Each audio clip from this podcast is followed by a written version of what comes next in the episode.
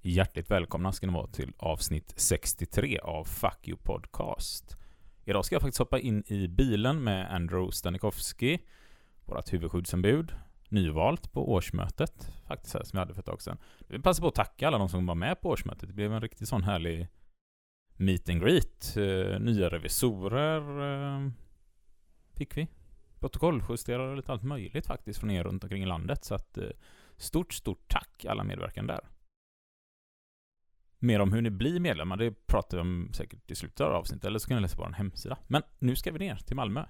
Och det är en person som ni har tipsat oss om att vi borde besöka. Och det har kommit in tips från flera olika håll faktiskt. Så att det ska bli jättespännande här att komma ner till Malmö och träffa Daria Bogdanska, som har sysslat en hel del med arbetslivskriminalitet. Mitt namn är Isak Ekblom och eh, ni ska få slippa att sitta tre timmar i en Ford utan aircondition ner till Malmö. Och stereon har precis gått sönder. Men eh, ja, Andrew får offra sig som det huvudskyddsombud han är.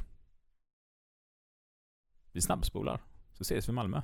It's the big fucking deal. What the fuck are we doing out here? I ask you, what in the fuck are we doing here? So what's the big fucking deal? What the fuck are we doing out here? I ask you, what in the fuck are we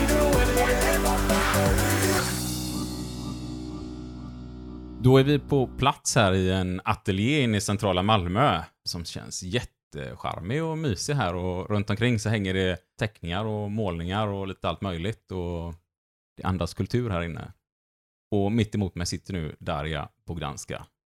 Hej. Och då skulle vi börja så här liksom att här framför oss på bordet så ligger en bok som heter Wage Slaves. Vad är bakgrunden till den här Nej, boken? men precis, det har du inte förväntat dig att vi ska sitta i en ateljé och prata serier. Vi ska ju prata facklig organisering. Men det finns en koppling här, såklart. Det är så här att jag kallar mig själv för en ex-serietecknare. Och det är så att jag har skrivit en serieroman som är självbiografisk. Det handlar om mitt första år i Sverige. Det handlar om när jag kom hit och hamnar, jag behöver försörja mig själv så jag hamnar i någon slags byråkratisk Kafka moment 22 där jag behöver jobb och för att ha jobb behöver jag personnummer och för att få personnummer behöver jag jobb och då får jag jobb som visar sig svart på 50 kronor i timme på en indisk restaurang, faktiskt runt hörnet från var vi sitter. Ja, du visade vart den låg här när vi gick förbi här. Vi fick en, en, en liten kort rundvandring i alla fall. Precis, den finns kvar som, som vi kan prata om lite senare, eh, hur sjukt det är. Men det är ett ställe som systematiskt utnyttjar migrantarbetare, mest från Bangladesh, Pakistan. Men det som händer i min bok är att jag eh, hamnar där, börjar jobba där, inser villkoren. Jag upptäcker någon slags, eh, vad jag kallar för desperationstrappan. Jag fick 50 kronor i timme. Mina kollegor från Bangladesh 40 en kille från Pakistan 30. Man kan se det som att ah, det är någon slags diskriminering eller baserat på etnicitet.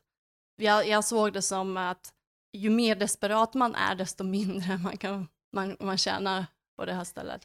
Och det är, liksom, det är någonting som leder till att jag också, lite svår situation, utan personnummer, utan eh, pengar, börjar försöka organisera mig fackligt det som händer är att, liksom att jag, eh, jag försöker liksom hitta fack som ska hjälpa mig. Jag får inte så mycket hjälp, men till slut lyckas jag. Eh, uh, försöker organisera kompisar, eh, som mina kollegor, men det är väldigt svårt när det är människor som riskerar så mycket. Till slut uh, händer det liksom en konflikt och jag, jag vinner en del pengar tillbaka, men uh, liksom, man kan säga att det är berättelser som är baserade på verkligheten och därför det är inte heller en lycklig slut. Det, det slutar med att jag vinner konflikten mot chefen, men, um, men jag blir liksom lite ensam i det och jag lyckas inte organisera alla kollegor. Så det är liksom ett, ett, kanske en berättelse om en försök till organisering i en svår situation. Så jag, jag släppte den här serie, serieromanen eh, 2016.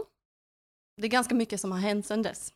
Det var min första, mitt, min första och sista bok och jag ritar inte serier längre, så, så därför jag kallar mig själv för ex-serietecknare.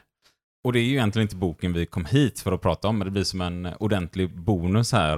För det är nämligen så att vi har haft massa lyssnare till podden som har tipsat att ni måste åka ner till Malmö och ni måste träffa Darja. Vad roligt.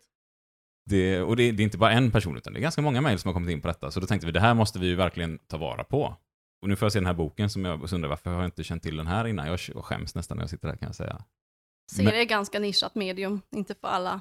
Ja, vi hade ju med Max Gustafsson som läxar upp oss här. Men däremot så tänkte vi så här att vi, vi, ska, vi ska fixa två signerade exemplar. En tänker vi behålla för oss själva i podden och den andra tänkte vi att det, ni lyssnare får vara med och eh, få den utlottad. Får ni följa oss på sociala medier så får ni någon instruktion där om hur man kan vinna boken här. Kul. An- Går den att beställa annars eller köpa? Det vet jag inte, det borde gå. Det borde gå. Eh, det är släppt på Galago förlag. Eh, så, så man googlar det, så jag tror man kan hitta det. Men jag vet inte exakt hur det funkar med förs- bokförsäljningen och sånt. Vi ser om vi får upp lite instruktioner där på Ja. hemsidan eller sådär. Härligt. Men det som vi egentligen kommer hit nu för idag då, det, det handlar ju om någonting ganska allvarligt som du själv har fått uppleva. Någonting som egentligen pågår runt omkring i många länder på jorden. Ganska mycket här i Malmö, har jag förstått. Yes. Vi har själva här precis suttit i ett koncernfackligt möte med vårt koncernfack. Jag är med huvudskyddsombudet Andrew här.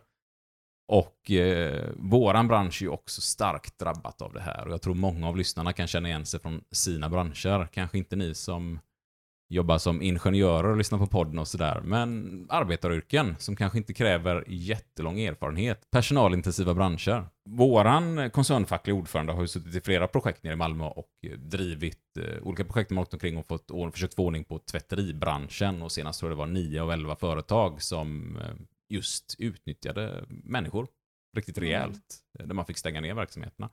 Och det är på det temat vi egentligen ska e- inleda dagens avsnitt tänkte jag. För det här är någonting som du är engagerad i.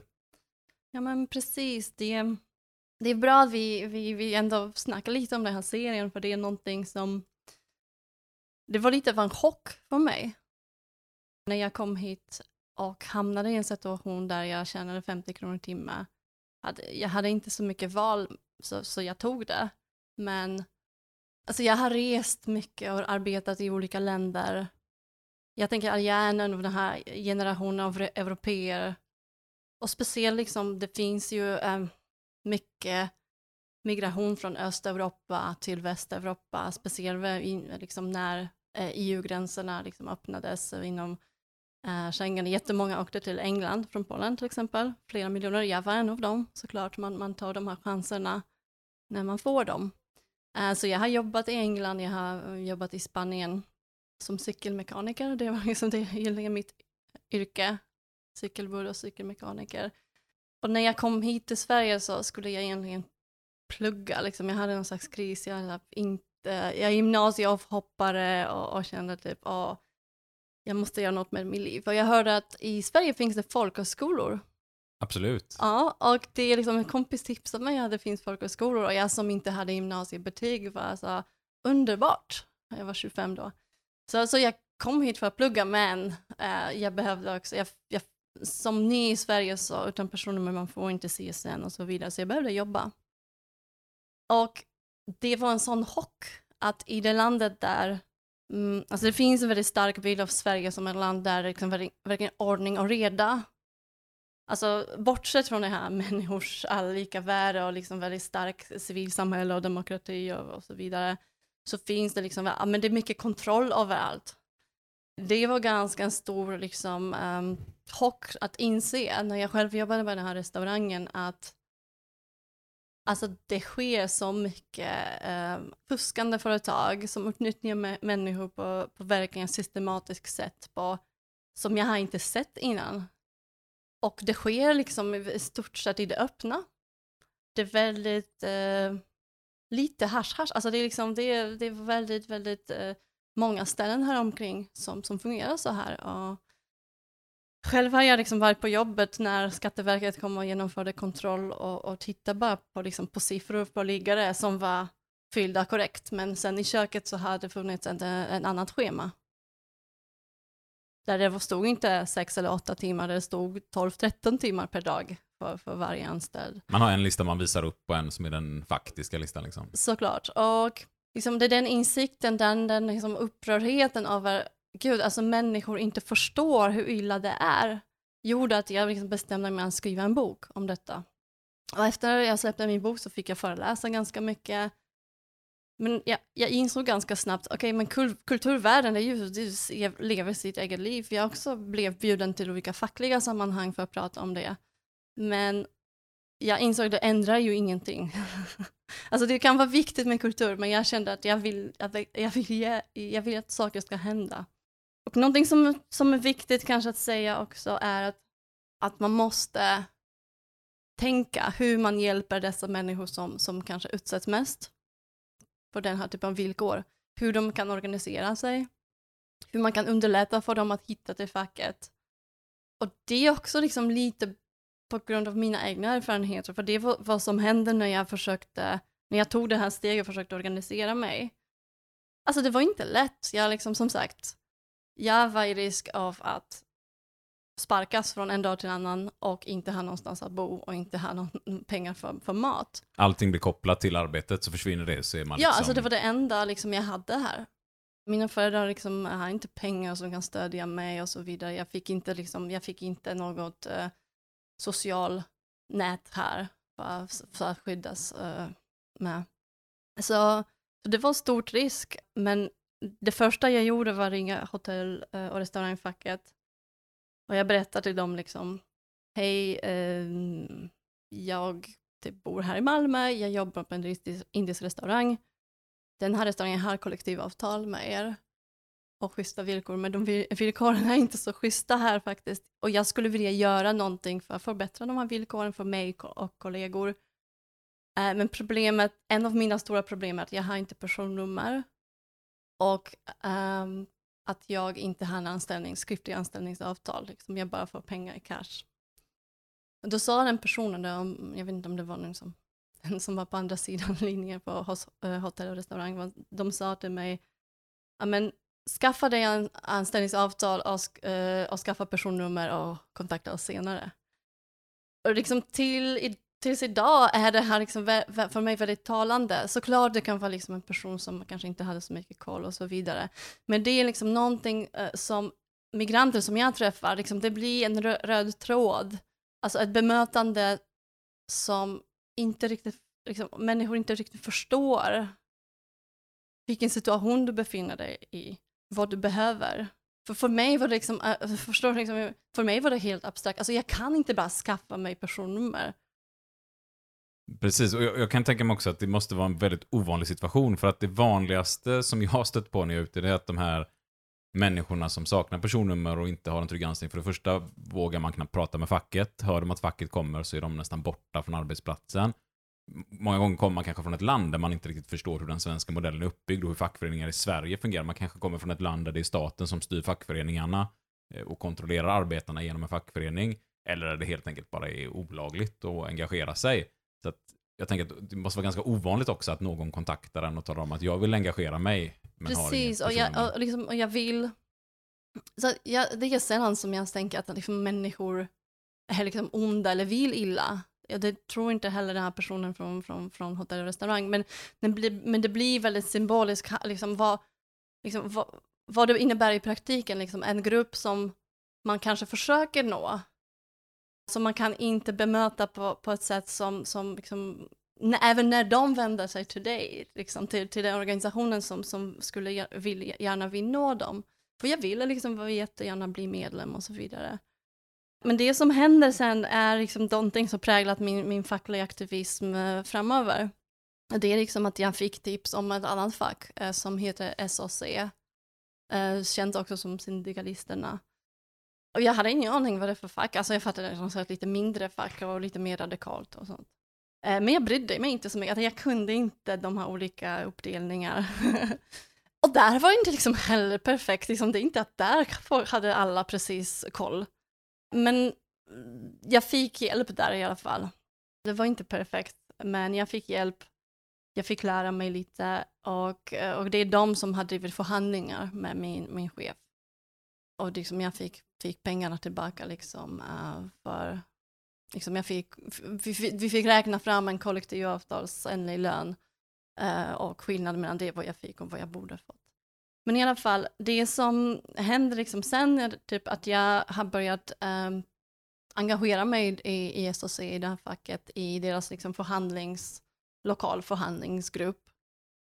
för ganska snabbt jag insåg, jag insåg liksom, jag vill inte att andra som är i min situation ska få samma bemötande jag fick. Så jag vill liksom hjälpa andra, för jag nu vet, liksom, jag lär- lärde mig för varje dag, liksom, det mesta jag har lärt mig var liksom att jag bara läste på, eh, googlade, eh, ringde olika myndigheter, ja, ni förstår. Liksom. Så, så jag ville bara hjälpa andra. För det, liksom, när man jobbar med migranter, det är inte bara arbetsrätt. Liksom.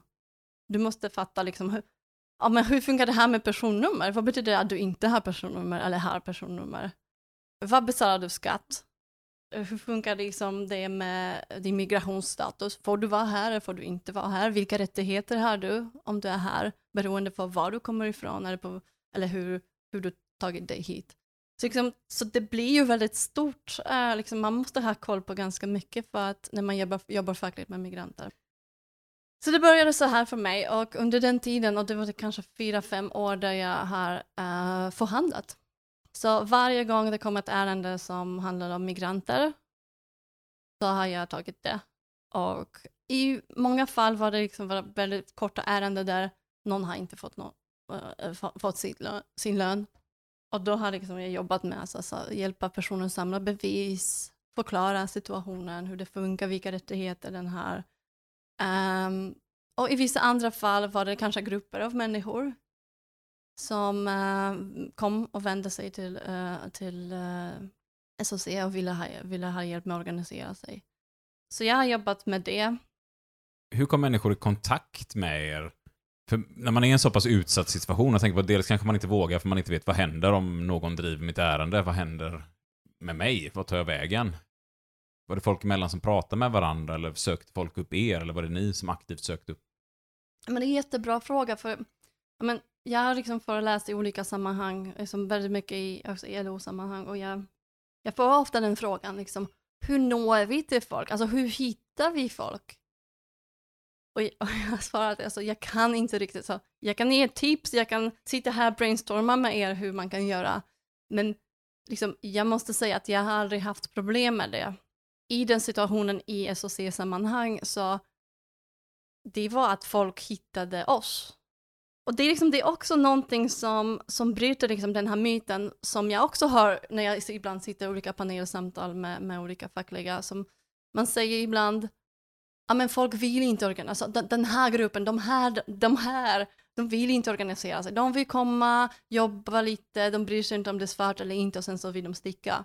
Och såklart det kan finnas människor som tycker så. Men det är väldigt grovt generaliserande, för från min erfarenhet så jag har träffat bara människor som har velat förändra sina villkor och vilja och vända sig till facket just för att göra det. Sen så är det inte alltid som man har fått den här hjälpen och man kan dela upp de människorna som kommer, som kom på den tiden till, till SOC i två grupper. Alltså är ena gruppen kanske människor som bara googlar rättigheter och på något sätt hittar hemsidan och sen så ringer.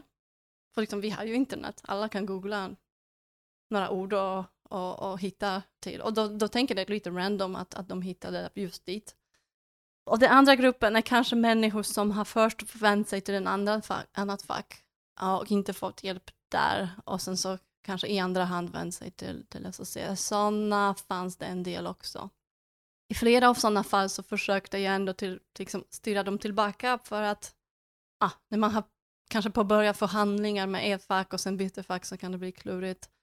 Så jag har varit också många situationer där jag bara som privatperson liksom kanske följt med till ett möte hos en annan fackförening för att hjälpa dem liksom reda ut saker för att eh, det kan bli liksom förbistring, liksom, det kan vara svårt med kommunikation ibland, det är precis som du säger, inte alla förstår den modellen, liksom, hur det funkar med en förhandling, med vad som man kan kräva och vad man kan inte kräva. Så, så jag har liksom också assisterat lite folk liksom att, uh, i, i kontakt med facket och, och myndigheter också och så vidare. Så som sagt, så, så man, man kan ska, om jag ska berätta nu varför jag vill berätta om det, jag vill att ni ska få en bild av vad min erfarenhet är. Så det kunde vara små fall där man kan lösa någonting, eh, superoseriös arbetsgivare, låt oss säga en städfirma.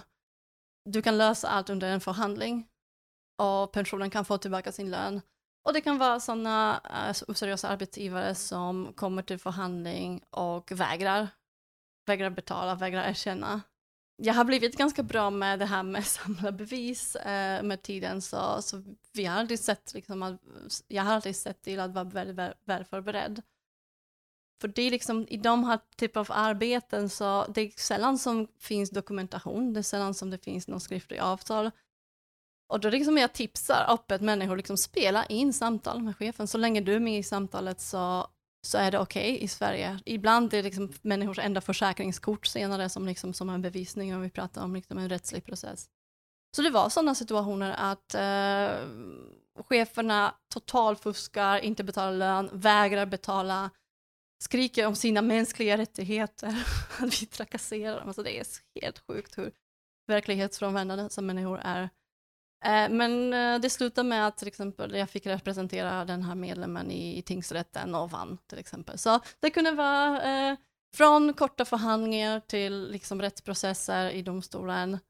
Men det som liksom gav mig mest var de situationer där det kom en grupp av människor och ville organisera sig. Det, den som påverkade mig mest var jordbruksarbetarna från Skåne som jobbar med att förpacka eh, liksom sallad och grönsaker i sådana plastpåsar som man köper i, i ICA och så vidare.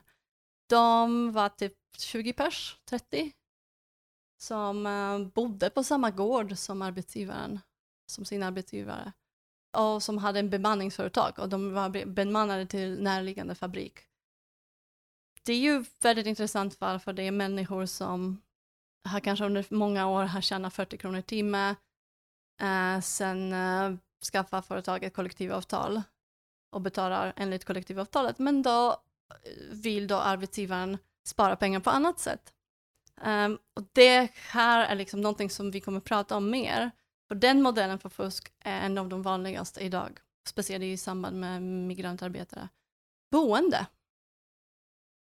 Så vad händer när man börjar betala högre löner? Ja, då plötsligt höjer man hyrorna. Så i fallet eh, med dessa människor, eh, måste, de flesta kom från Rumänien och Ungern. Bott här typ 5-10 år, många av dem, på samma gård. Eh, de bor ju liksom i små ruckel, i baracker, på liksom skånska landsbygden och betalar kvadratmeterpris som är sju gånger så mycket som på södra i Stockholm. Och då pratar vi rätt mycket pengar. Och det här är ju verkligen någonting som för tankarna tillbaka till patronsamhället som vi hade på 1800-talet i Sverige. Det är... Lönen går till hyran helt enkelt. Precis, och, och, här, men vad gör man då fackligt? Liksom här har vi typisk situation som är lite utanför boxen.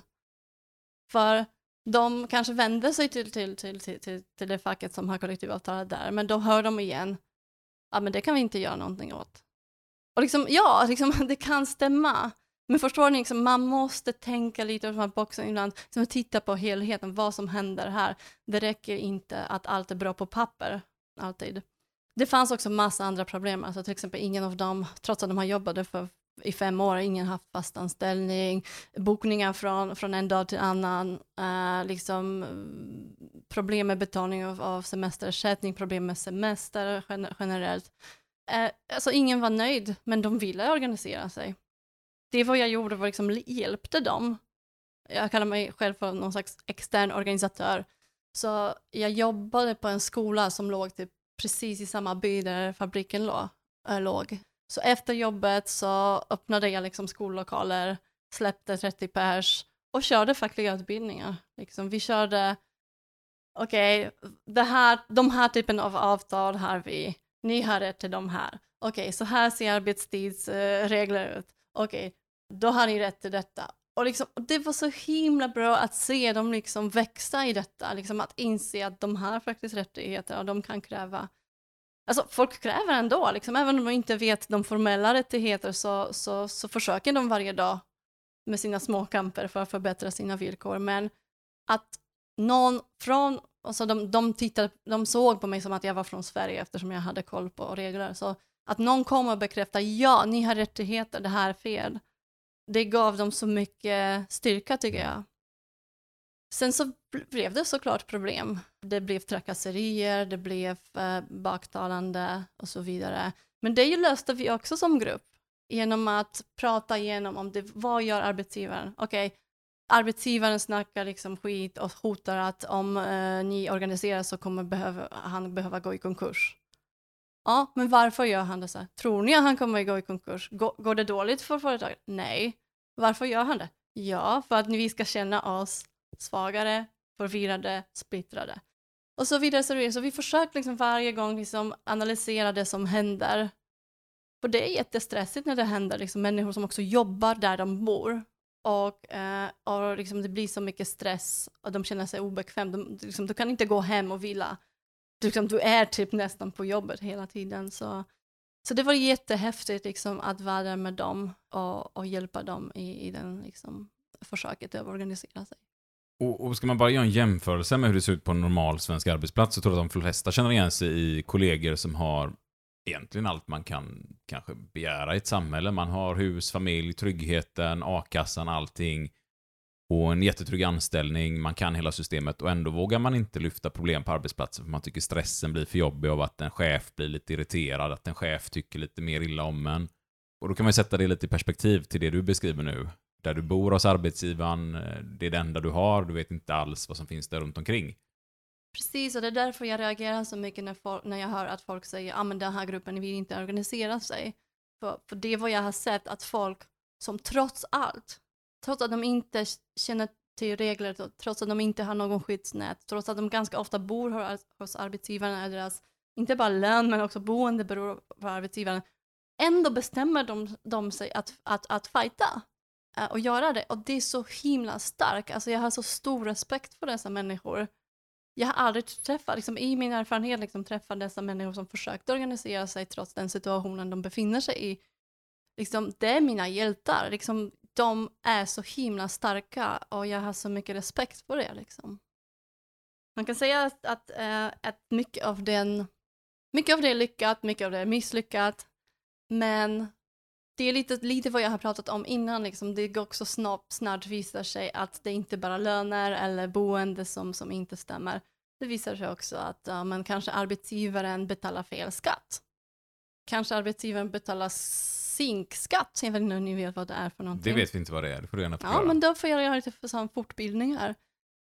Zinkskatt är särskild skatt för utländskt bosatta. Det är 25 procent av bruttolönen.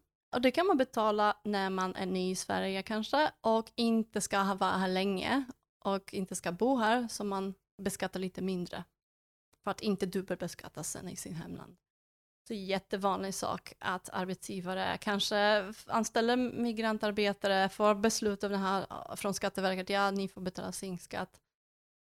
Och sen så fortsätter de betala lägre skatt hela tiden, eh, trots att personen här kanske bott här flera år. En annan typisk sak är liksom att arbets... Väldigt många gånger har jag hört att liksom arbetsgivaren kan fixa personnummer. Personnummer är inte kopplat till arbete, personnummer är någonting som du får när du blir folkbokförd. Men arbetsgivare sprider den här liksom falska, eh, falska informationen till anställda och säger ja, ja, ja, jag ska fixa personnummer dig, allt är lagligt, jag betalar skatt. Och sen gör ingenting. Så jag har liksom alltså ett gäng fall, verkligen eh, mer än tio fall, där anställda sa, att ah, men jag bad arbetsgivaren fixa det, och det är arbetsgivaren som fixar här sånt, alltså, äh, sånt i Sverige. Och det har gått två, tre, fyra, fem, tio månader och jag har inte fått någonting. Och varje gång jag frågar arbetsgivaren så säger arbetsgivaren, åh de tar så lång tid på sig på Skatteverket. Men vad är det i verkligheten? Ja, arbetsgivaren bluffar och för varje månad det går och personen inte har samordningsnummer eller personnummer, så är arbetet svart. Så personen liksom införstått och i god tro frågar arbetsgivaren, kommer du fixa allt? Och arbetsgivaren bluffar hela tiden och förlänger och liksom i resultatet arbetar personen svart. Jag kanske har inte en bild av hur det ser ut i allmänhet, men av alla dessa människor som jag har träffat så det var ingen som, som velat jobba svart om de har jobbat svart var det just på grund av att arbetsgivaren har fuskat eller inte betalat skatt själv. Men alla var väldigt noga att se till att det är korrekt uh, och blev väldigt upprörda när de hörde att, liksom, att det var inte det. Så det är som en av sådana problem som, som jag har märkt också och som jag tänker att facket inte alltid har super, alltså inte fullt koll på allt sånt. Och det kan jag känna igen mig, för en av mina väldigt nära vänner, eh, en kille som heter Refa, som vi egentligen stötte på när jag var lite yngre, så hängde vi på mycket juggeklubbar i Göteborg, eller föreningar kan man väl säga. Eh, mer eller mindre okej okay, föreningar ibland, eh, lite sådär. Och på ett av de här ställena så stötte vi på en kille som jobbade väldigt, väldigt hårt. Drar exakt samma historia som du berättar nu. Vi har blivit lovad uppehållstillstånd och arbetstillstånd av min arbetsgivare, men det tar tid och myndigheterna i Sverige är så krångliga, de drar väldigt långt Exakt. ut på tiden. Eh, vi småpratade lite med han och förklarade lite vad jag jobbade med och alltså mitt fackliga engagemang. Jag var väldigt ung så jag hade ju precis liksom kanske dragit igång med de här fackliga utbildningarna jag höll i då. Men han förstod en förståelse för det. Efter ett par dagar så ringer han till min kompis men kunde ingen svenska. Eh, och vi förstod att det var någonting. Vi åker dit. Han inlåst i en verkstad. Oh, de har låst dörren och ja, han blir insläppt klockan åtta på morgonen och klockan 22.00 så släpper de ut honom på kvällen. Och för detta får han 10 000 kronor i månaden. Och då bad han oss som vi kunde åka och köpa lite cigaretter åt honom och kasta in genom ett fönster så han kunde röka. För han var lite röksugen. Och då liksom, då tickar ju alla varningsklockor som kan ticka igång. Och man börjar liksom fundera på, är den här chefen, söker han verkligen ens arbetstillstånd? För det här känns ju som en bluff. Eh, någon vecka senare fick han lämna in sitt pass eh, och helt plötsligt får han passet tillbaka och det är nya stämplar i den att han har varit i sitt hemland igen. Eh, och det här sättet liksom börjar ja, men det, det börjar liksom nystas upp hur utnyttjad den här personen blir och vi börjar ju spåna i det och inser att den här chefen har ju bara tagit ny person efter ny person tills de listar ut att det blir inget uppehållstillstånd. Och då skickar han hem dem igen och så plockar en ny person. Exakt. Det handlar ju definitivt inte om att ingen vill engagera sig, utan man har inte kunskaper om hur eller vad man har rätt till, utan man verkligen tvärtom jobbar ihjäl sig och lägger all sin energi på att jobba så hårt som möjligt för att förhoppningsvis kunna komma in i det svenska samhället. Ja, man lever med någon slags hopp hela tiden, liksom, om jag står lite om jag står ut lite till så, så jag rör mig framåt men sen så, så kommer det aldrig för det är bara en stor bluff. Och det är som, alltså men det är, så, det är liksom så himla hemskt, liksom, man kan bli så himla arg och, och ledsen och besviken och det, liksom det som gör jag, liksom, det som, som ger mig driv i det hela är jag älskar se människor kommer liksom tillsammans och gör grejer tillsammans som att organisera sig. Alltså det är det häftigaste känslan någonsin och speciellt i sådana omständigheter. Sen den andra sidan av det är det negativa liksom känslor och någon slags uppgivenhet när jag ser att det är vad de utsätts för. Alltså de systematisk fusk, systematisk liksom utnyttjande. Det är som ingen har kontroll över detta i Sverige. Alltså det är så himla vanligt. Om vi går tillbaka till liksom hur folk hittar Uh, liksom, hur hittar man folk? Alltså jag behöver inte hitta någon, alltså jag får telefonsamtal flera gånger i veckan. Får folk snacka med varandra? Som någon har problem på jobbet och känner någon som har fått hjälp. Och liksom nu telefonnummer cirkulerar och liksom jag får telefonsamtal från helt okända människor som bara åh jag fick ditt, ditt nummer av en person som har gett mig ditt som haft ditt, ja ni, ni fattar liksom så många människor jag genom åren nu typ träffat eller pratat med som också berättar hur det är i de här branscherna och det är liksom, vi pratar om de personalintensiva branscher nu, så man kan prata om, från min erfarenhet i alla fall, då är det restaurang. Städ är ju, där har jag liksom sett det värsta, tror jag. Sen jordbruk, sen transport. Det är liksom, och bygg, bygg såklart. Det är liksom de branscherna uh, som, som jag haft att göra med i, liksom, när jag träffar liksom, människor som, som, som utnyttjas. Och när de berättar liksom, hur de här företagen agerar, vad de gör, när jag upptäcker det själv, så jag blir så här, hur är det möjligt att det pågår? Liksom, hur är det möjligt att det går så, att arbetsgivarna som gör så, alltså kriminella arbetsgivare, och det är inte, det är liksom någonting så där jag liksom nästan började dra gränsen. Liksom. Var drar vi gränsen mellan vad är facklig organisering och vad, vad går gränsen mellan vad är faktiskt en kriminell, alltså, vad offer en krim, av en kriminell? Och det är också så orimligt, för, förstår ni, liksom, när vi ibland skuldbelägger migranterna för att inte organisera sig och vi pratar om de här kriminella verksamheterna, alltså skuldbelägger du liksom offer av, liksom, av ett um, brott, att att inte göra någonting åt det när, det blir, när personen blir offer. Sen så säger jag inte att liksom, man måste känna sig som offer. Såklart man kan typ, när man får chans, man kan stå upp och försöka göra någonting åt det. Men jag tycker det är liksom viktigt att inse liksom, att det här som pågår i Sverige, det är inte bara dåliga villkor längre.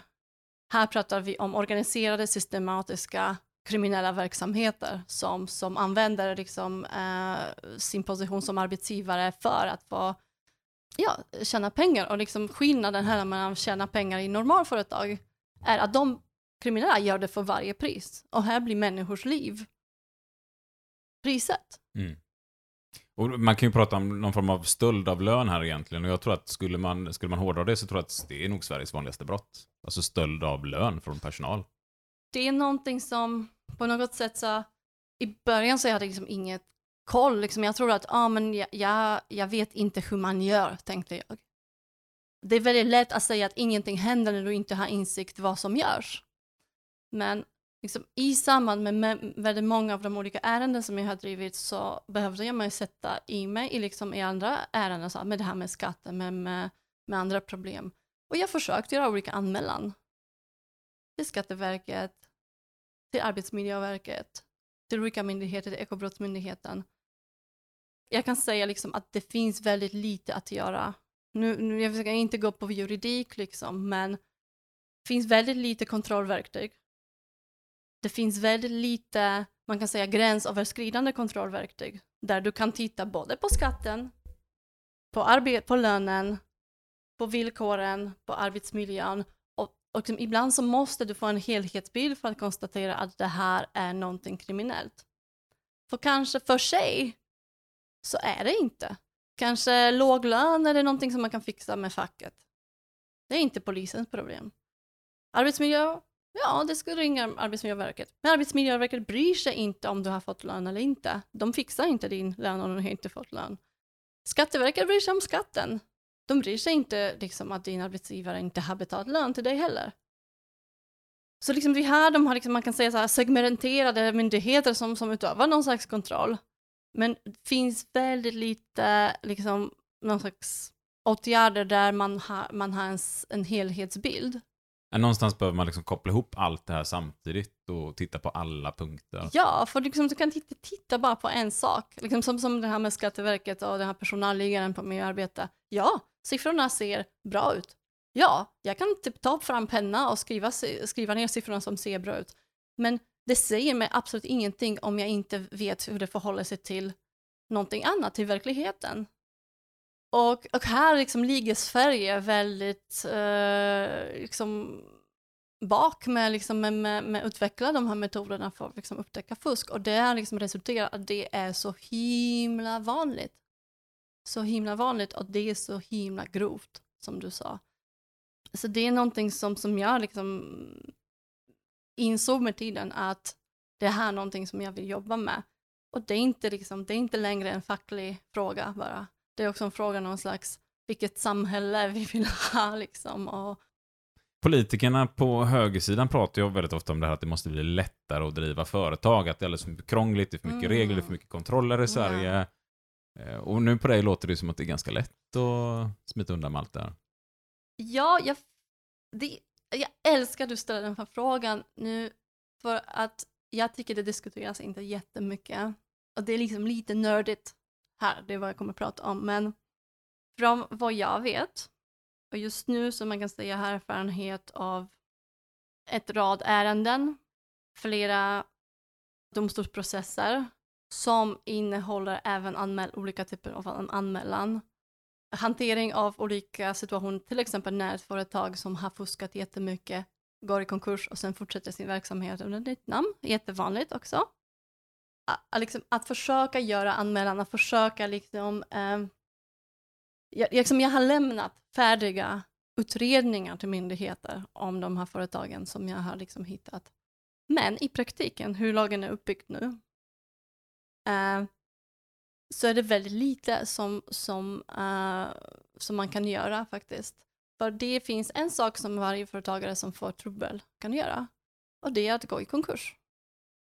Och de flesta, som, nu har man också för, för ett, ett par år sedan som man sänkt också gränsen för hur mycket kapital du behöver för att starta aktiebolag. Det var ganska låg, 50 000, nu är det 25. Så vilken clown som helst kan komma med 25 000, starta AB, bedriva kriminell verksamhet och sen gå i konkurs. Och det finns väldigt få fall där man kan driva personlig ansvar för företrädare. Liksom. Eh, Och får de straffade får de för näringsförbud eller liknande? Ja, och det görs inte heller så bra. Alltså det, det har inte varit så mycket liksom utfärdande av näringsförbud heller, för det har jag också granskat lite. När jag upptäcker en sån situation, vad har jag gjort? Ja, jag vänder mig till konkursförvaltaren. Jag gör en utredning, jag säger, här har du bokföringsbrott, här har du bolag, liksom bolagsrättsliga brott, målvaktsverksamhet, här har du överföring av pengar, Eh, det här företaget har inte gått i konkurs, det här företaget fortsätter sin verksamhet. Vad säger konkursförvaltarna? Åh, vi har så lite resurser, vi, vi hinner inte utreda detta. Även i väldigt uppenbara fall. Vem ska, förstår du, vem ska göra det om de inte kan göra det? Så liksom på alla möjliga nivåer, någonstans där så, så faller det här liksom mellan stolarna, det är svårt att utkräva ansvar. Och summa summarum, verkligheten är idag att kriminella arbetsgivare som använder företag som brottsverktyg egentligen kan komma undan utan några konsekvenser. Och det förbannar mig. För jag som, så om jag inte betalar en räkning som privatperson så får jag anmärkning eh, från Kronofogden som får konsekvens att jag får inte ett boende, får inte jobb, eh, får inte ta lån. För en liten grej. Men jag har sett så himla grov kriminalitet i de här verksamheter, i de här företagen som utnyttjar särskilt migranter, som kommer undan med allt, trots liksom års av processer av kompetenta personer som bara samlat bevis, lämnat allt till, till myndigheter och det händer absolut ingenting. Och det är så himla sorgligt. Och sen har vi nästa bekymmer då, att det, även om man lyckas gå hela vägen så kan de byta ägare och fortsätta driva sin verksamhet i någon annans namn. Vi pratar om målvakter exempelvis. Och sådär. Nej, men det, det, det är vad jag menar, liksom, att du kan gå i konkurs, du kan by- byta ägare, eh, men det, det mest vanliga, liksom, åker de dit av någon anledning, för det är inte heller lätt att man, man sätter dit ett företag, men åker de dit för det vad de gjort så går de konkurs, startar ett nytt. Och så fortsätter det.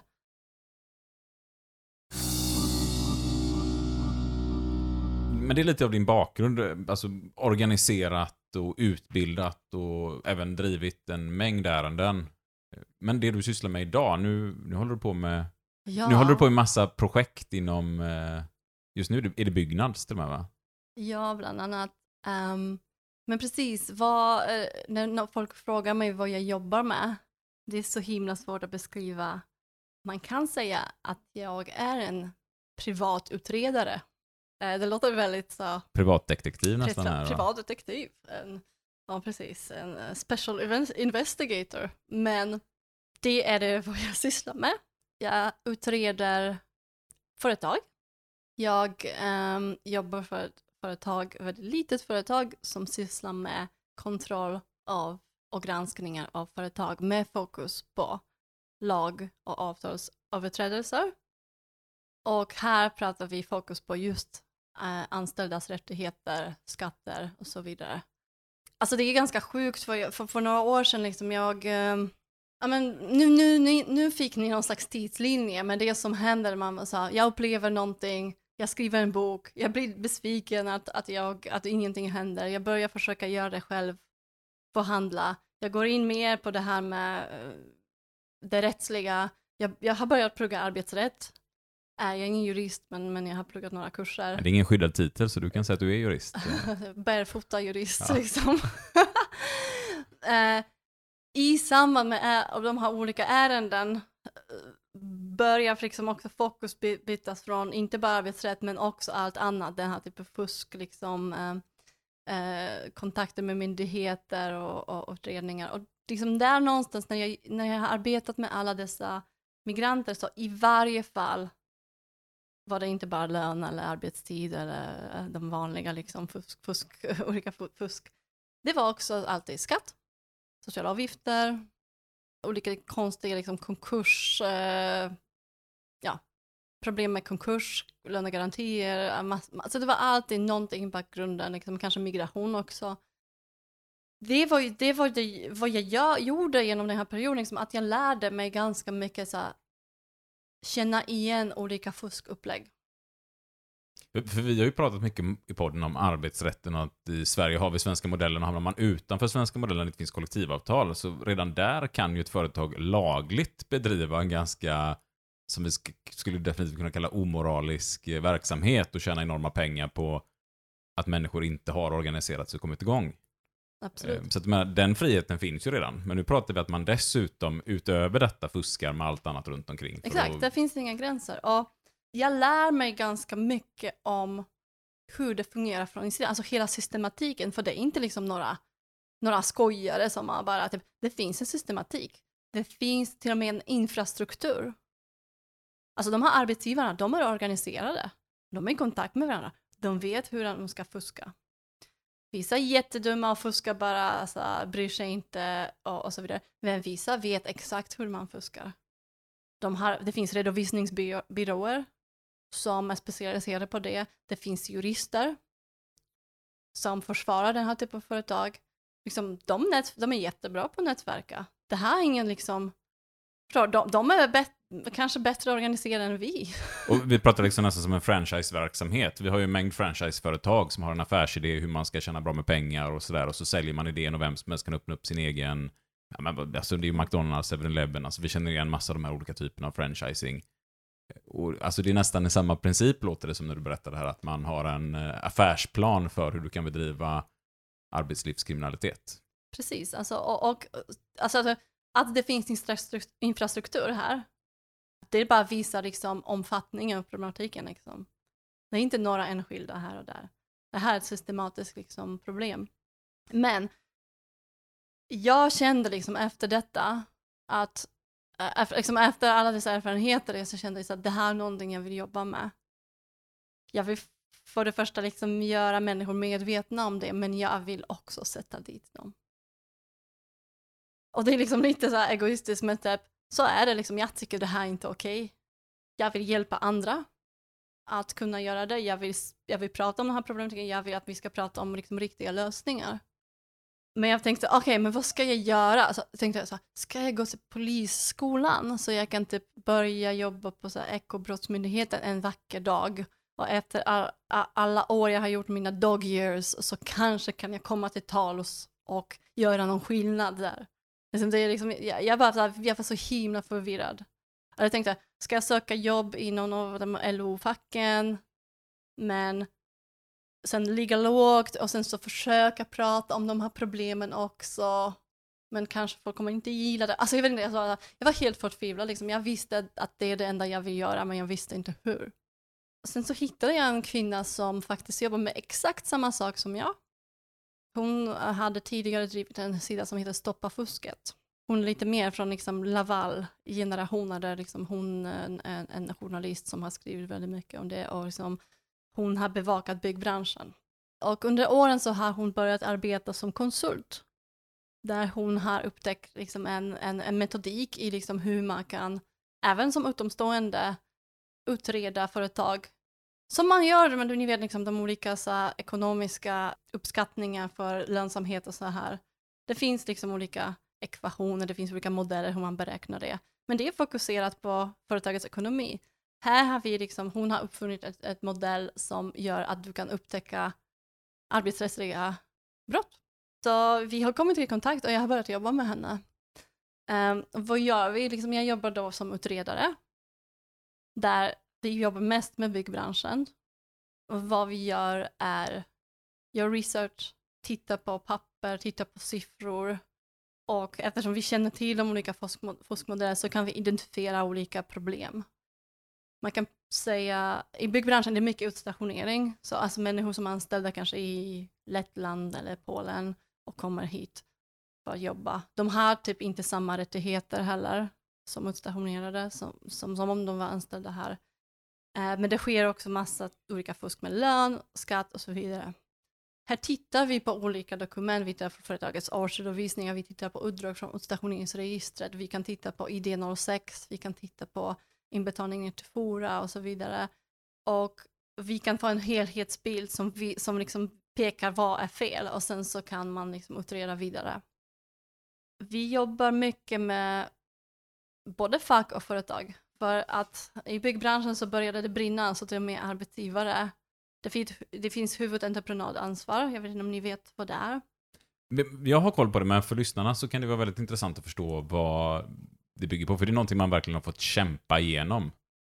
Precis, det här, det här är liksom en regel som än så länge tillämpas bara i byggbranschen. Eh, Och det är en effekt av att man har eh, liksom insett att det finns en så pass stor problematik med situation där du har en, en arbetssituation där du har väldigt många led av olika entreprenörer och det finns också stor förekomst av fusk och eh, lönestöld som, som vi har varit inne på innan.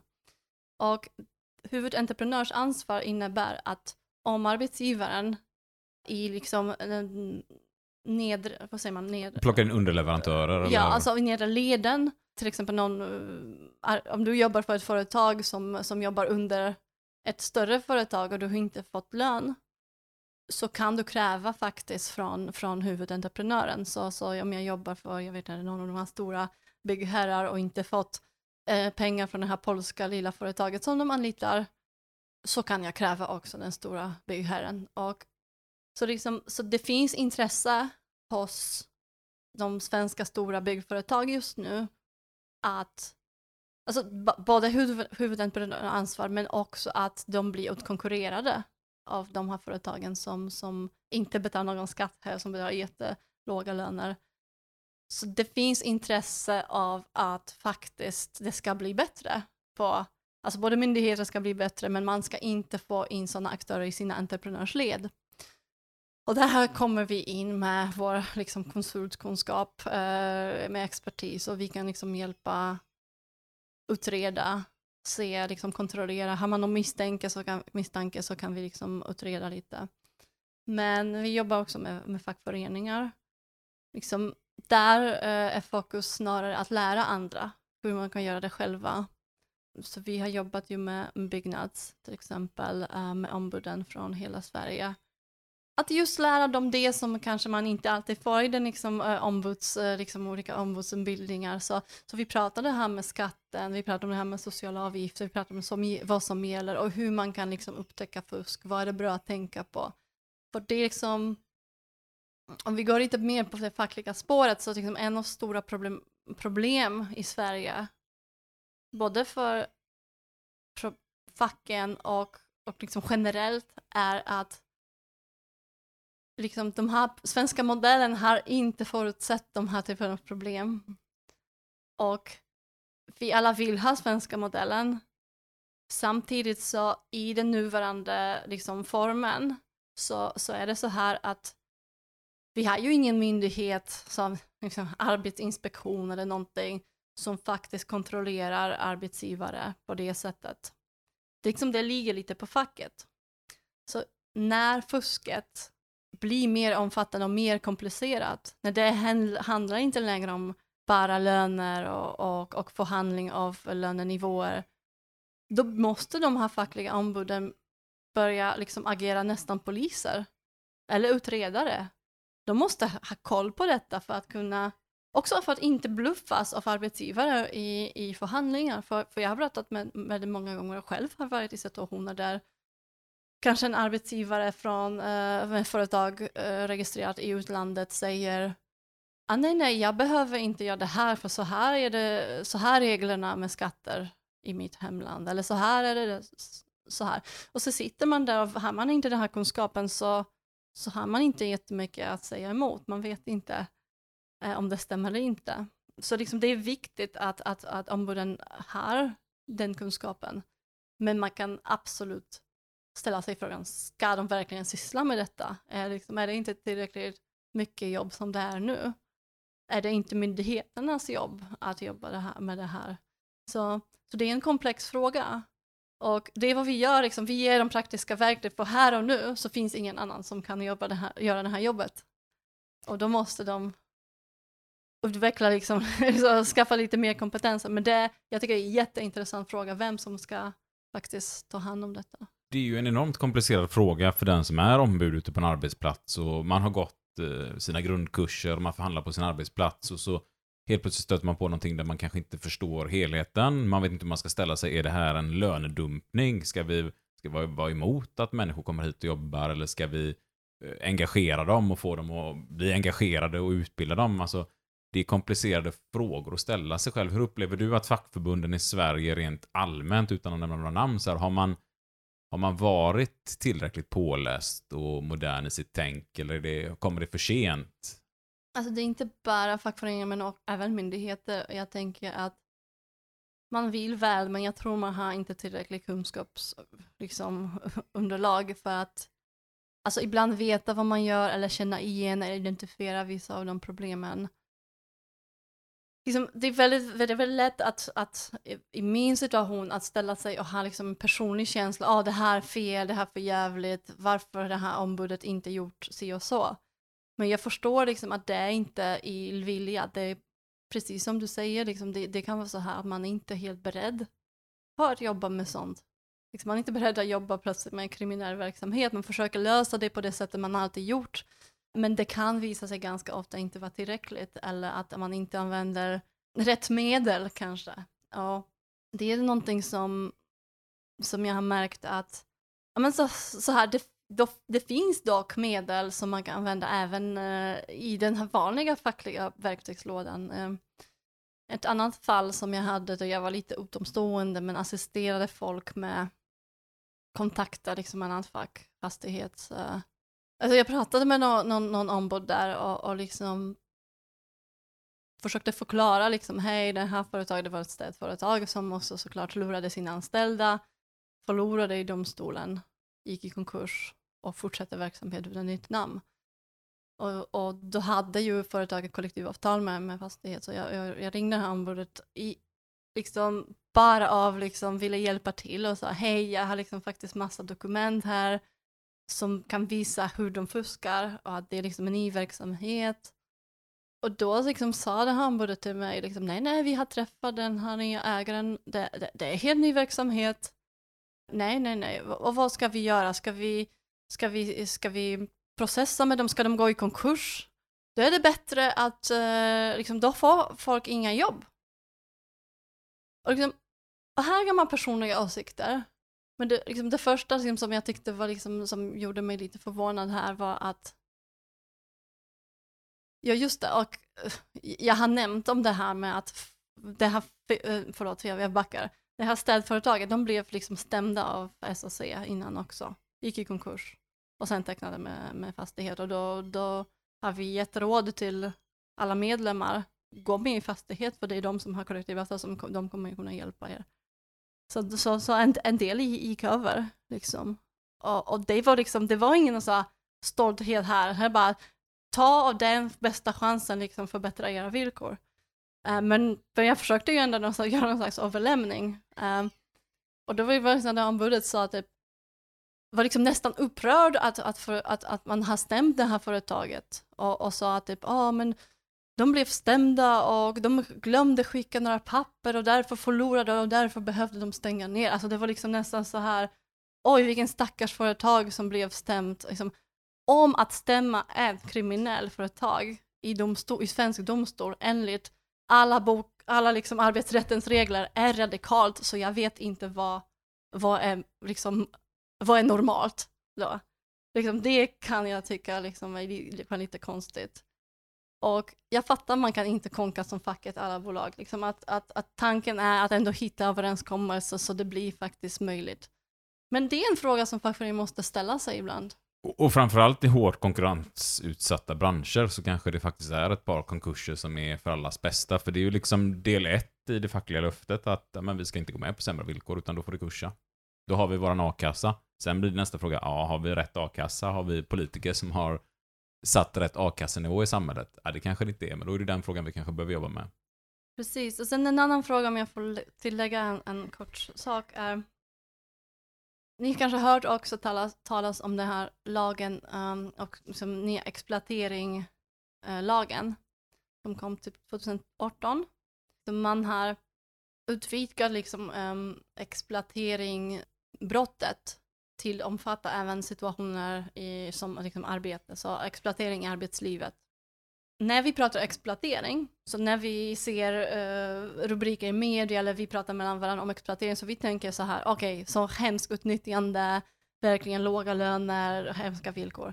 Men så här, exploateringsbrottet, den är ju någonting annat. Och liksom det är också det som jag, liksom jag tänker ganska ofta, att vi har en bild, att vi har en system, ett system som är rustat för att liksom bemöta de här problemen.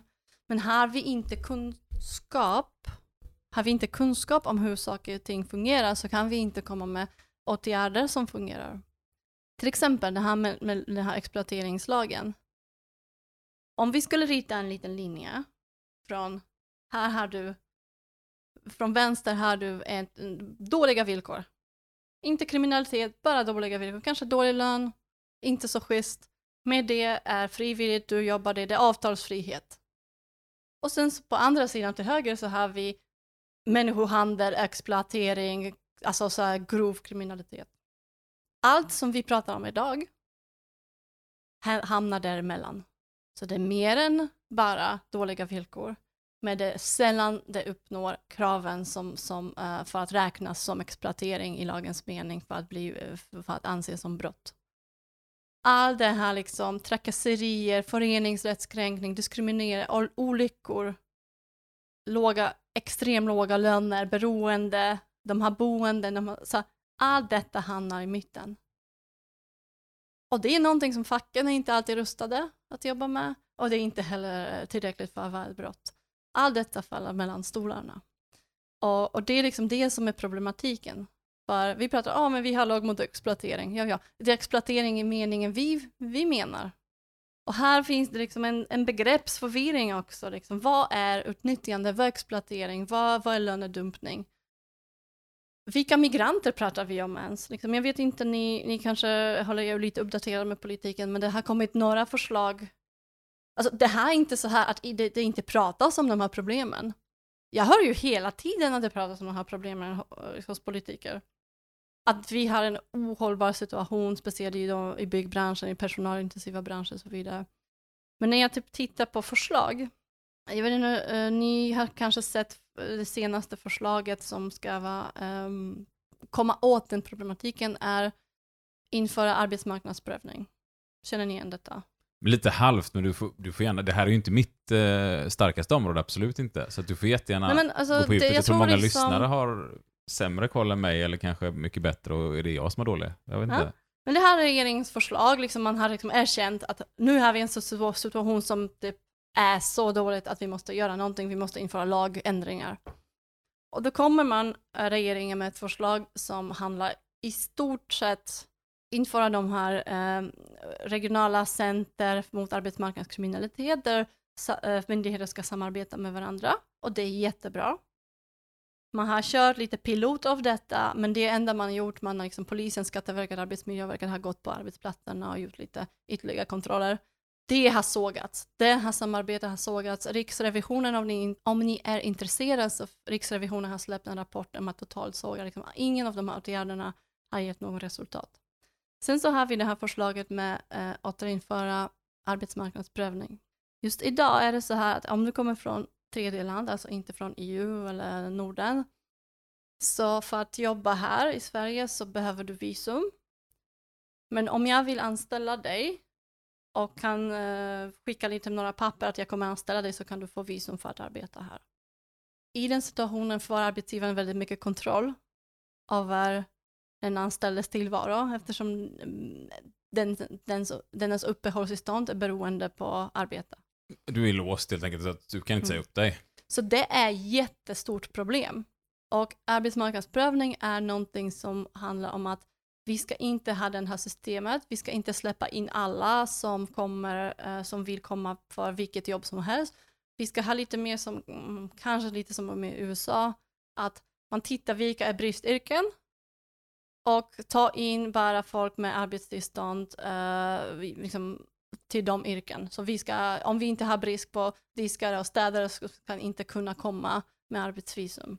Och tidigare hade ju facket väldigt mycket att säga till om här. Man kunde titta på hur många arbetslösa har vi i vår a-kassa för exempelvis bilarbetare och då kunde fackförbundet säga att nej men vi har massa arbetslösa bilplåtslagare exempelvis och då ja. kunde man inte plocka in det. Och men det, så ser det inte ut idag. Nej men precis, och jag tycker liksom det är bra i sig, liksom, att ha, liksom, man, att ha koll på vem som kommer och inte liksom lämna folk bara åt arbetsgivare så här. Men liksom min kritik mot det här förslaget handlar inte liksom att jag tycker att den, den är dålig i sig. Den bilden av liksom det här kri- arbetsmarknadskriminalitet som vi har när vi tänker på det. Jag ska ge lite siffror. Bara i byggbranschen som anses vara en av de sämsta när det gäller villkoren och, och den här typen av förekomst av kriminalitet bland arbetsgivarna. Så vet ni hur många som kommer från tredje land för att jobba i den branschen via den här arbetsvisum? Nej, jag har ingen som helst uppfattning. Jag kan ju tänka mig att det är mycket från EU-länder, men även en hel del som säkert eh, jobbar via bemanningsföretag i EU-länder, men kanske kommer någon annanstans ifrån. Två, år, Tusen. 2000, år 2020 var det cirka tusen. Sen så finns det som du säger olika lösningar, tra- transitland, länder, an- visum från andra länder, bla bla. Men vet du hur många jobbar, vet du hur många från EU är här och jobbar inom byggbranschen, städbranschen och så vidare? Nej, Vi vet inte. det är så pass. Vi vet inte, först ingen. För jag som kommer från Polen, jag kan röra mig fritt. Det är ingen som gör tar stämpel på mitt pass. Ingen vet, det förs ingen statistik. Men vi vet att vi har, i bara byggbranschen, ungefär 50 000 utstationerade. När jag har pratat med folk så här, från Skatteverket, högt höguppsatta folk från Skatteverket, från Arbetsmiljöverket och fackliga, siffran av dem som kommer från EU och de mest östeuropeiska länder, vi pratar om flera hundratusen. Så när vi ser, och sen så har vi papperslösa såklart, det kan vara flera tusen, mellan typ 5 till 10 också, det finns ingen statistik, riktig statistik men det finns uppskattningar.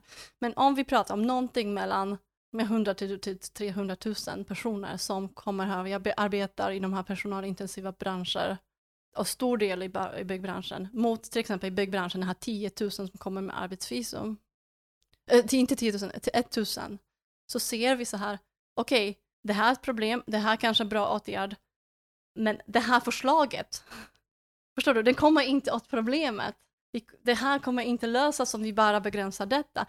Jag, kan bli liksom lätt provocerad av att säga liksom, oavsett vad du tycker så måste du basera den politiska förslagen på liksom att det ska ha någon effekt. Du kan inte, förlåt för språket, du kan inte bara dra, dig, dra grejer ur röven för det låter bra. Det ska också funka. Så liksom, om vi tittar på problematiken så, så, så liksom att, be, att begränsa liksom, att uh, införa arbetsmarknadsprövning, det kommer inte lösa det problemet. Det är ju kanske bra, men, men det kommer inte lösa det här problemet. Men det brinner, vi måste göra någonting. Och, och jag kan bli liksom lätt besviken när att liksom, socialdemokratiska politiker, för det var de som lade fram förslag, de har inte bättre koll. För liksom det är de som också lyfter de här problem, de här problemen och det är liksom någonting som jag ser väldigt, eh, är så väldigt glad av, liksom när varje gång de sitter och pratar och att vi erkänner att vi har den här problematiken. Men sen så ser jag förslagen och som är insatt i de här problemen bara typ, vad fan, har de inga liksom, har de inte folk som har bara skaffat sig koll eh, åt dem om de inte har den här kollen? För de här förslagen är verkningslösa, verkligen, i, i, i sammanhanget. Så nu, nu har jag varit lite arg. Och min, min nästa fråga till dig var just det här. Vi har ju en hel del politiker som lyssnar på den här podden. Bra. Ganska många. Och en och annan minister till och med. Eh, Så, så min liksom, fråga till dig var, vad borde politikerna göra? Och Nu har vi redan fått en Ska liten jag inte börja överläggning här. läsa min lista? Nej, men alltså typ, såklart, alltså typ, man måste bara ha en helhetsgrepp.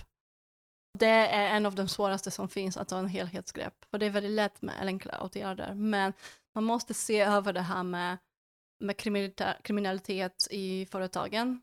Liksom att det här är någonting som svenska modellen inte alltid klarar av, att, att jobba med, med de traditionella metoder. Här borde man kanske eh, myndigheter kliva in och komma med någon effektiv, effektiv metodik. Sen så vi måste titta på det här med liksom att företagen används som brottsverktyg. Det är inte längre bara svarta löner och ni vet, liksom, att det är inte bara gängkriminalitet eh, och Hells Angels som driver de här företagen. Ganska ofta är det dold. Det är bostäder, arbetstid och eh, skatter som, som, som det fuskas med mest på ett sätt som är svårt att upptäcka.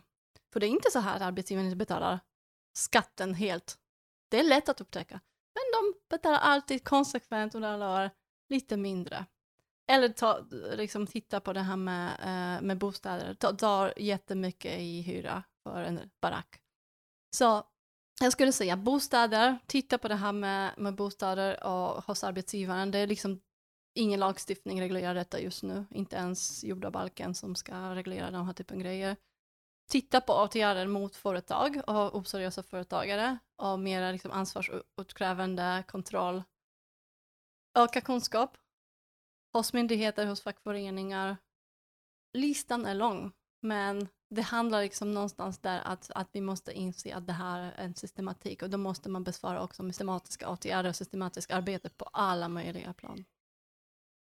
Och någonting som inte lyfts ofta, och jag tänker att jag får avsluta med det, för det är väldigt ofta när vi pratar om de här problemen, när vi har gått från det fackliga till vi har gått till de här siffrorna, skatten och så vidare, så förlorar vi liksom den lilla människan i den.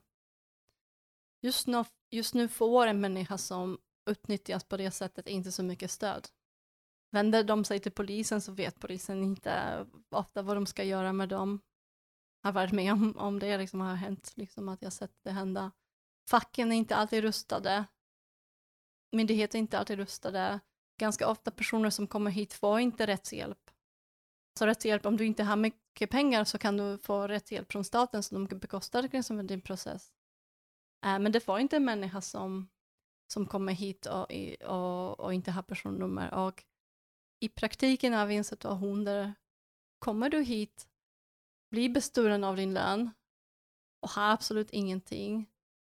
Du har kanske inte varit med med facket för du visste inte, så vänder du dig till facket får du inte kanske, kanske får du inte hjälp. Vänder du dig till polisen får du kanske inte hjälp. För det, ja, men då kommer polisen säga, ja men det är civilrättsligt, det är liksom, då kan du stämma din arbetsgivare. Vill du stämma din arbetsgivare så får du ingen stöd. Om du har precis blivit bestulen från lönen så har du förmodligen inga pengar. Det finns inga stödinstanser där du kan få hjälp eller inte eller ens information. Jag har googlat liksom, vad händer om arbetsgivaren betalar lönen svart till mig? Det enda jag hittar är du, du är kriminell. För det är vad det händer, liksom. betalar arbetsgivaren fel skatt, eller för lite skatt eller inte skatt för dig, så det är du som blir återbetalningsskyldig som individ. Och många blir lurade, men finns ingen större information. Det är så himla viktigt. För det är de människorna som har bevis. Det är de människorna som, alltså bortsett från att de är offer, de har bevis, de har vittnesmål, de har information. Och det är liksom de som skulle, som måste anmäla det här om vi inte liksom hjälper människor att få hjälp så kommer vi inte komma i tom med den här problematiken. Och jag, jag menar vi, det är inte ens fackligt, men menar generellt i samhället, liksom myndigheter och alla andra. Så, så det är jätteviktigt att det finns stöd för dessa människor som, som, som hamnar i den, den sitsen här i Sverige. Ja. Tror du man kan lära mycket av annan typ av människohandel? Jag tänker prostitution där man för många år sedan. Eh, det var olagligt att prostituera sig och man kunde själv hamna i fängelse om du var prostituerad. Men någonstans så insåg man att vi kunde inte lösa den typen av kriminalitet som uppstår kring detta om man ska bestraffa personen som jobbar med det. Utan man fick någonstans komma på att nej, det får vara eh, illegalt att eh, betala för sex men inte att sälja det. Är det typ sådana lösningar man behöver börja snegla mot i arbetslivskriminaliteten? Ja, bland annat. Och just nu till och med så har vi en lagstiftning som faktiskt säger att det är arbetsgivaren som ska betala den skatten om de, det liksom, om de inte betalar skatt så de, de ska bli ansvariga. Men det är tillämpningen som är inte liksom hänger med. Ehm, man, jobb, man, är, man har svårt att jobba med komplicerade ärenden. Liksom, jag ska inte gå på detaljer, men här, är det som, här har vi till och med lagstiftning på plats.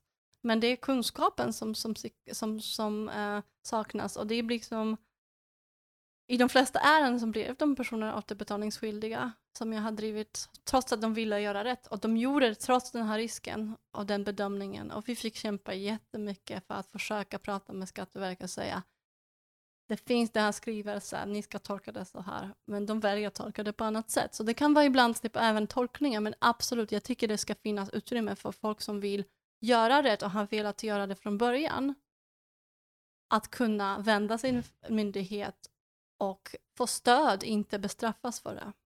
Om jag nu är ett fackligt eh, ombud ute på en arbetsplats, eller kanske är regionalt fackligt ombud eller regionalt skyddsombud, och jag kommer ut på en arbetsplats, eh, eller har ett entreprenad inom mitt företag och misstänker att Men här är det någonting som inte går rätt till och jag börjar nystra i lite och jag får reda på att det är arbetslivskriminalitet som pågår här.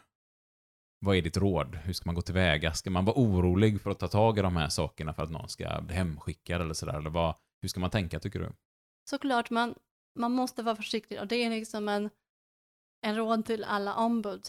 Det är liksom som vad jag har lärt mig, att man inte tar saker för givet. Att vara försiktig och framförallt göra så att den personen är med på det. Alltså om vi kom, kommit i kontakt med en person som, som, som har problem, försöka se vilka riskerna som finns. För det kan vara så här att det är rätt att göra vissa grejer principiellt, men det är bra också att ha koll på vad det innebär för den personen. Vi vill inte att någon ska skadas eller eh, utsättas för våld eller, eller andra, liksom, den här typen av, eh, eller vräkas. Uh, jag, tycker, jag har en princip att liksom, jag tvingar inte folk till, till, till att göra någonting, till att anmäla, till... Det måste vara deras beslut. Organi om vi går tillbaka till organisering, organisering skapar relationer, det är att se andra människor och det som vad vi har gemensamt med varandra. När jag har lyckats skapa relationer med människan, ge den information, göra så alltså den känns att den känner sig inte ensam. De flesta har tagit beslutet på egen hand att, att göra det. De flesta vill göra det, de flesta vill organisera sig eller, eller uh, se till att de, liksom, att de respekteras, liksom, för det handlar också om frågan om respekt. Men det måste liksom, jag, jag, tycker det är jätteviktigt att inte tvinga någon och, och att vara försiktig och förstå och vara ödmjuk framför liksom, de här riskerna som människor tar, tar i sådana situationer. Och kanske som förtroendevald inte heller vara rädd för att fråga andra förtroendevalda om hjälp i sådana här frågor. Absolut inte. Det här är inte lätt. Så man ska inte skämmas för man, om man inte fattar. Liksom, det är bara väldigt svårt. Man, man, men man ska söka, man ska inte heller ge upp. Man ska söka hjälp och, och fråga andra och, och, och man kan göra det tillsammans. Det är inte omöjligt. Någonting annat som kan vara väldigt svårt när man är ute så här, det är ju språkförbrist. Säger man språkförbristningar? Jag tittar på er. Sp språkförbristningar. Sådär. Men man har svårt med språket helt enkelt, som jag hade här nu. Hur ska vi tänka där? Vad ska man göra? Där man känner att jag kan inte kommunicera på rätt sätt. Jag får mig inte förstådd. Jag, jag vet inte hur jag ska kommunicera här. Ja, men det här är så himla viktigt, vad du vill säga. Och det är liksom också där finns ganska mycket potential att, att utveckla. Det, det är såklart, förstår någon inte språket så kan de inte få reda på information eh, som du vill att de ska re få reda på. Jag, jag talar ju polska, så jag har ju såklart lätt att prata med folk som kommer från Polen, men det finns massa människor som kan tolka. Men jag tycker det är en jätteviktig grej för facken. Jag har gjort en liten undersökning för några år sedan, kanske fem, sex år sedan. Jag har kollat på alla LO-förbundets hemsidor och tittat om det finns information på andra språk. Uh, det fan, major, på majoritet av dem fanns det bara information på svenska. Och det är en sån väldigt, väldigt enkel sak som om vi pratar, liksom, vi pratar om väldigt komplicerade saker och vi har blivit så deppigt här att liksom, åh gud, ska, hur ska vi lära oss allt detta? Men det här är en väldigt konkret sak som, som är väldigt enkelt. Liksom. Eh, minska de här språkbarriärerna genom liksom, att tillgängliggöra information. För som jag sa innan, människor som behöver hjälp, de hittar. De hittar till facken om de behöver det, men de måste, man, man kanske kan underlätta för dem. Så på engelska, på de andra språken där vi vet att liksom, de här grupperna dominerar olika branscher, göra material, översätta hemsidor, se till att ta med sig en tolk till ett möte. Det kan göra så mycket skillnad. Och jag tänker här, här är någonting väldigt, väldigt konkret som, som, som olika facken skulle kunna jobba med. Och det är inte så svårt. Vi har ju så många människor i Sverige som pratar alla möjliga språk. Så, så jag tänker det är en väldigt konkret grej som, som man kan jobba med. Och inom våra fackföreningar, vi har i, i våran lilla avdelning en liten tolklista. Det är inte krångligare än så att det är ett litet Word-dokument på datan. Så kan jag som förtroendevald ringa in till avdelningen och säga att här behöver jag någon som pratar vad det nu kan vara för språk, polska exempelvis då. Och då finns det ett par personer där som kan hjälpa till att åka med ut nästa gång och sådär. Och jag känner ju att det blivit en stor förändring de senaste tio åren kontra när jag var ute för tio år sedan på regionala uppsökeri och det materialet jag kan plocka fram idag. Sen vet jag inte, jag har inte reflekterat så mycket över finns det på hemsidan. Det kanske det inte gör. Men vi har foldrar och grejer som vi försöker ha med oss ut när vi är ute. Men det finns ju en eh, enorm potential hur man ska kunna utveckla det här. Och framförallt kanske även kunna sprida den svenska modellen runt i Europa och runt i världen. Det tycker jag är minst lika viktigt att det, all den kunskap vi sitter på här om hur vi organiserar oss och vad ett fackförbund faktiskt kan göra för samhället, om vi skulle kunna nå ut med det över hela världen. För det är fortfarande så att det är bara en minoritet av världens befolkning som ens kan vara aktiv i ett fritt fackförbund. Så att där har vi också jättemycket jobb vi behöver göra. Och jag har tänkt att vi ska försöka bjuda in det här och kanske spela in ett avsnitt på polska här eh, framåt sommaren, hösten om du har möjlighet till det. Om jag har inte glömt hur, hur man pratar polska, men absolut. Jättegärna. Du är varmt välkommen till. Och ni som är lyssnare får gärna tipsa oss om personer som eh, pratar andra språk och kan spela in eh, avsnitt i podden. För det ligger i våran plan här att vi ska göra lite poddavsnitt på olika språk som man kan om man är ute på en arbetsplats och man känner att det är svårt att förklara. Ja, men lyssna på det här. Det är våran lilla plan här i alla fall. Det låter jättebra. Så får vi allihopa försöka göra vad vi kan. Eh, Och jag vill skicka med ett jättestort tack för att du ställde upp och var med i podden här. Om det är som så att man som politiker eller förtroendevald på ett fackförbund vill komma i kontakt med dig i ditt arbete, kan man göra det på något sätt då? Absolut, man kan alltid mejla mig. Det är bara att skriva mitt namn uh, i Google så dyker det upp någon kontaktuppgift. Men jag pratar jättegärna med alla möjliga och diskuterar och uh, ja, jag är så himla glad att jag fick vara här uh, och prata om det här. Det känns som jag bara snackat, snackat, men, men det var jättetrevligt och, och jag blir bara glad om det är andra människor som också har funderingar kring de här grejerna som, eh, som lyssnar på. Sen så förstår jag, vi behöver inte alltid hålla med varandra, men, men jag tycker att det är värt att diskutera. Så, så jag tackar så mycket för mig ja, att jag fick vara med den här gången. Och då säger vi på återhörande. Tack! Och det var allt från oss nere i Malmö. Eh, otroligt intressant. Jag tror att det kommer att bli en hel del eftersnack om det här avsnittet och eh, absolut tycker jag vi ska försöka ta kontakt med lite politiker för att diskutera de här frågorna. Vad gör vi? Vad kan vi hitta på? Hur löser vi den här problematiken? Ni får jättegärna fortsätta att stötta podden ekonomiskt genom att bli stödmedlemmar. Det gör man genom att swisha ett nummer som jag absolut inte kan i huvudet. Trots att vi hade extremt bra minnesregler. Men man kan ju nog lyssna på de här minnesreglerna i typ avsnitt 52, 53 eller något sånt här. 54 kanske. Om man inte har gjort det. Annars så finns det på fuckyoupodcast gmail.com finns inte alls på. Men det är mejladressen där ni kan skicka in frågor eller tips på andra gäster vi ska besöka. fuckyoupodcast.podbean.com är det givetvis. Där ni kan hitta information om medlemskap. Glöm inte gilla, dela, följa och allt det där som Sebastian brukar vara ansvarig för att säga. Så hörs vi ute i etern. It's a big fucking deal. What the fuck are we